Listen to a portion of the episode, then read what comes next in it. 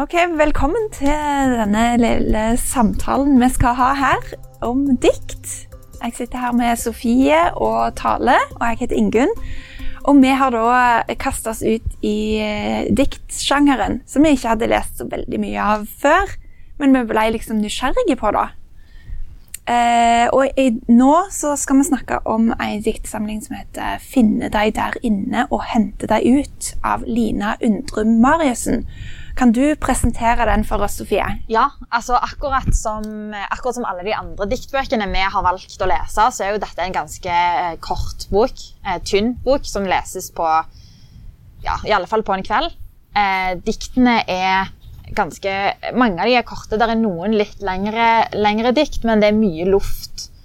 Um, og, og, som de andre eh, diktene, eller diktsamlingene vi har, har lest, så er den ganske lett tilgjengelig. Eh, det er De aller fleste diktsamlingene vi har lest, har vært ganske lett tilgjengelige. Ikke så veldig eh, altså Selvfølgelig er det alltid rom for tolkning i dikt, men sånn at du ikke må sette deg ned med blyanten og virkelig tenke for å klare å skjønne hva det er forfatteren prøver å formidle.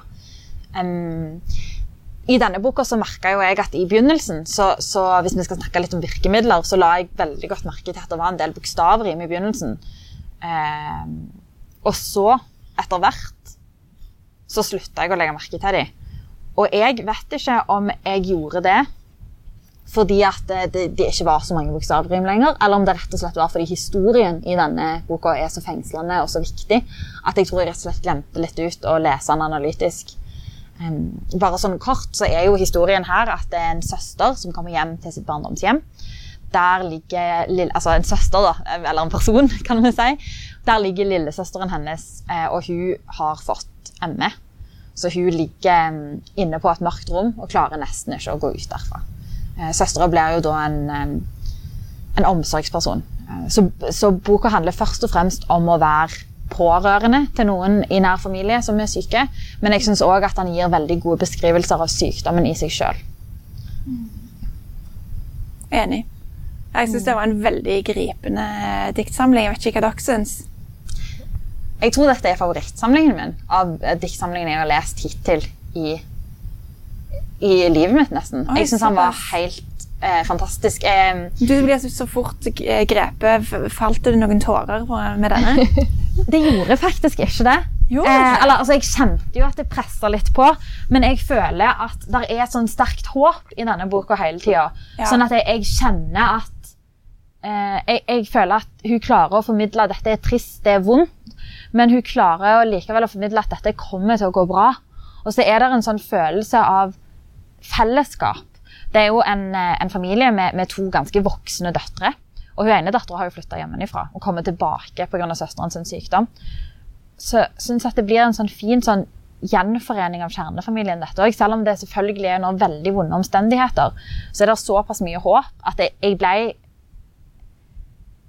følelsen i meg var god. Jeg var ikke mest vond, på en måte. Det er veldig interessant. Jeg, jeg følte ikke det var så mye håp. Jeg, sånn, jeg måtte rett på Google når jeg hadde lest den, og uh, prøve å finne ut uh, uh, Hvis dette var selvopplevd, ble denne søsteren frisk? For det ville jeg gjerne vite. Men det fant jeg ikke ut, da. Men, men jeg, jeg, fant et intervju med, med forfatteren. og hun, hun sier at det er delvis uh, selvopplevde ting hun skriver om, men hun ville skrive det så, allmenn, mm. så allment at veldig mange kunne bruke dette eh, som pårørende. Mm. Og for, som trøst, liksom. Jeg vet ikke om det blir sagt direkte i, i diktsamlingen at det handler om ME, men jeg tenker at det kan overføres på veldig mye sykdom, ja. psykisk eller fysisk. Ja, og, og, de beskrivelsene og følelsene som hovedkarakteren gjennomgår, er jo veldig sånn allmenngyldige. Mm. Og det, jeg tror det er så gripende, akkurat den der usikkerheten. Mm. For det, sånn, hva kan hun gjøre for å gjøre det bedre? Og hva, altså den, den, håpløsheten de sitter i, da, det mm. blir veldig eh, tydelig. Jeg eh, la merke til at hun brukte eh, hendene ble på en måte språket, fordi at mm. hun som er syk, tåler ikke så mye lyd. Sant? Hun nevner at de må ha head, sånn, uh, hørselsvern på. Så hun, kan liksom, hun må veie ordene sine. Hun kan ikke si så mange ord, så de få ordene hun kan, skal si, må bety så mye. Og etter hvert så må hun la hendene snakke. Og det ble så gripende for meg. Mm. Så spesielt det diktet der eh, tittelen til diktsamlingen mm. kommer fram. Da, da grein jeg, og det gjorde jeg både andre og tredje gangen jeg leste gjennom boka. Jeg synes det er, det er noe som treffer veldig i, for meg i den diktsamlingen. Jeg husker at jeg var veldig trist første gang jeg leste boka. Så leste jeg den på ny i går, eh, og da grein jeg ikke. Men jeg, eh, Du sier jo at du føler at du ikke helt finner ut hva som skjer, men i slutten av, av samlingen her så føler jeg at jeg spoiler litt, da, men, men eh, storesøster reiser jo hjem igjen. Hun drar jo vekk derfra, og da virker det jo som at det er noe, det er noe som er forløst. Så jeg tror kanskje at det er derfor at jeg ikke syns det var like vondt. Fordi jeg, følte at jeg fikk slags, et slags svar, da. Jeg, men kanskje jeg bare er veldig optimistisk. men jeg tolkna det i retning at dette går bra til slutt.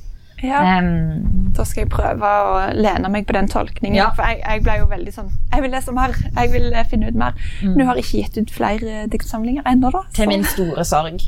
Uh, ja. Får håpe hun skriver mer, for jeg syns hun skriver fantastisk fint. Det, um, vi snakket jo eh, tidligere om en diktsamling som heter 'Om' av Tine Jarmila Sier, som er veldig direkte. Mm. og eh, skrelt for eh, metaforer og poetisk språk. Det er veldig sånn rett fram. Mm.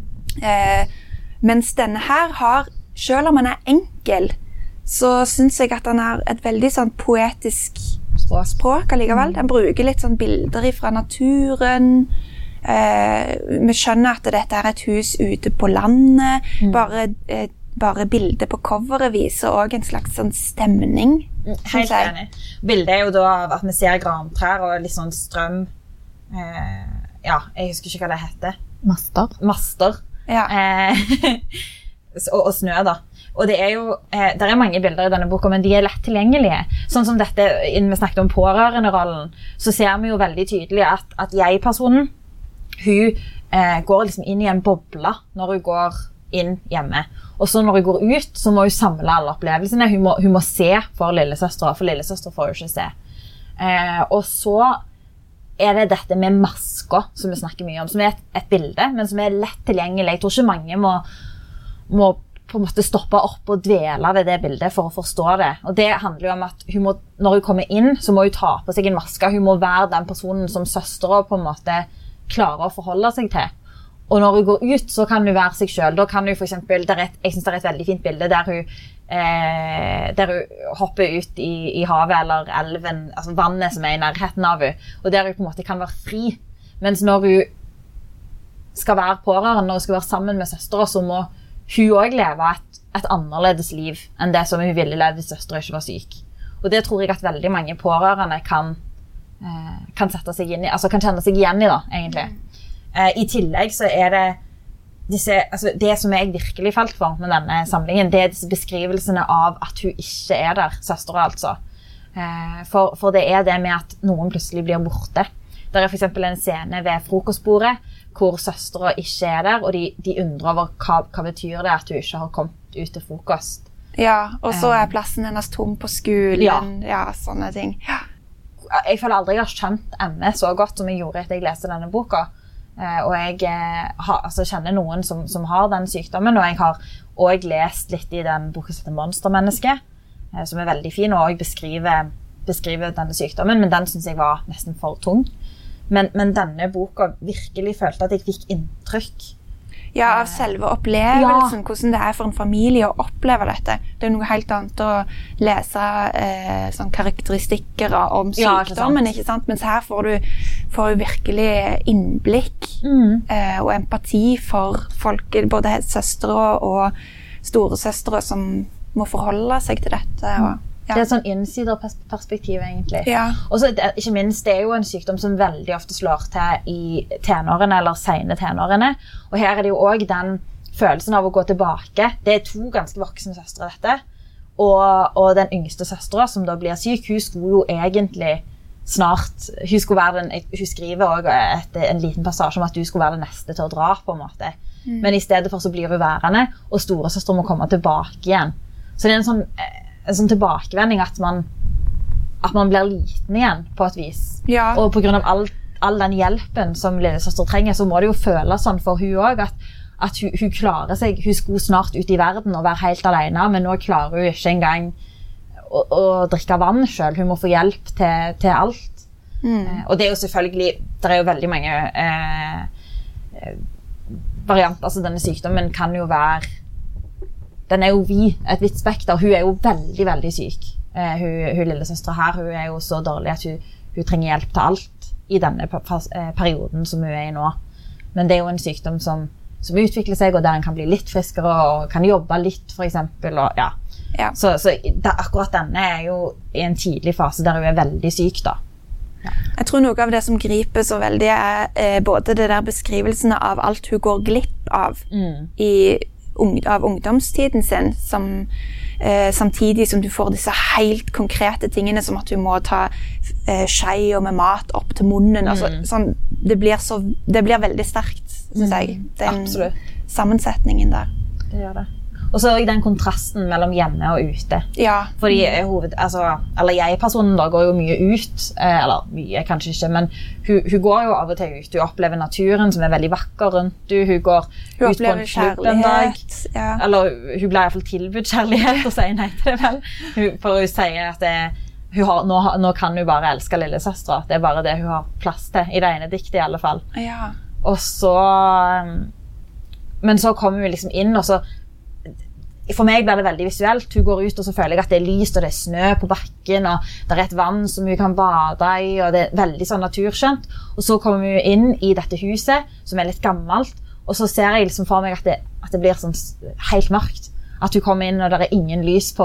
Det er nesten sånn at jeg ser for meg at det er sånn gamle trevegger som er mørke og, ja, Og veldig stille. og veldig, veldig stille. Ja, det er sant. Men de kontrastene du setter opp der, de synes jeg også preger mye av samlingen. Og jeg, jeg synes også at det er en diktsamling som på, en måte er en kjærlighetserklæring til barndommen og bygda. Mm, Fordi eh, hovedpersonen hun reiser jo hjem fordi noe trist har skjedd, men eh, i samlingen så får vi òg oppleve barndommen før lillesøstera ble syk, og hvor fantastisk det var å vokse opp på landet med, med vann og skog så nærme. Eh, og det der nære forholdet til naturen.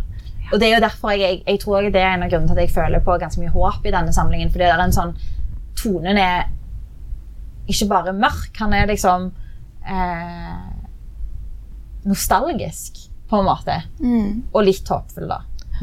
Og det er jo trist, altså, fordi at det, denne kontrasten mellom hvordan det var før og hvordan det er nå, er jo ganske ekstrem og setter jo ehm, altså viser jo på en måte alvorlighetsgraden og tyngden i søsteren sin sykdom. Ehm, men, men samtidig så viser det jo òg barndommen deres at det var to veldig sterke jenter. Eh, så det går jo en håpe at uh, de begge er så sterke at de kommer seg ut av, av sykdommen sammen. da. Absolutt.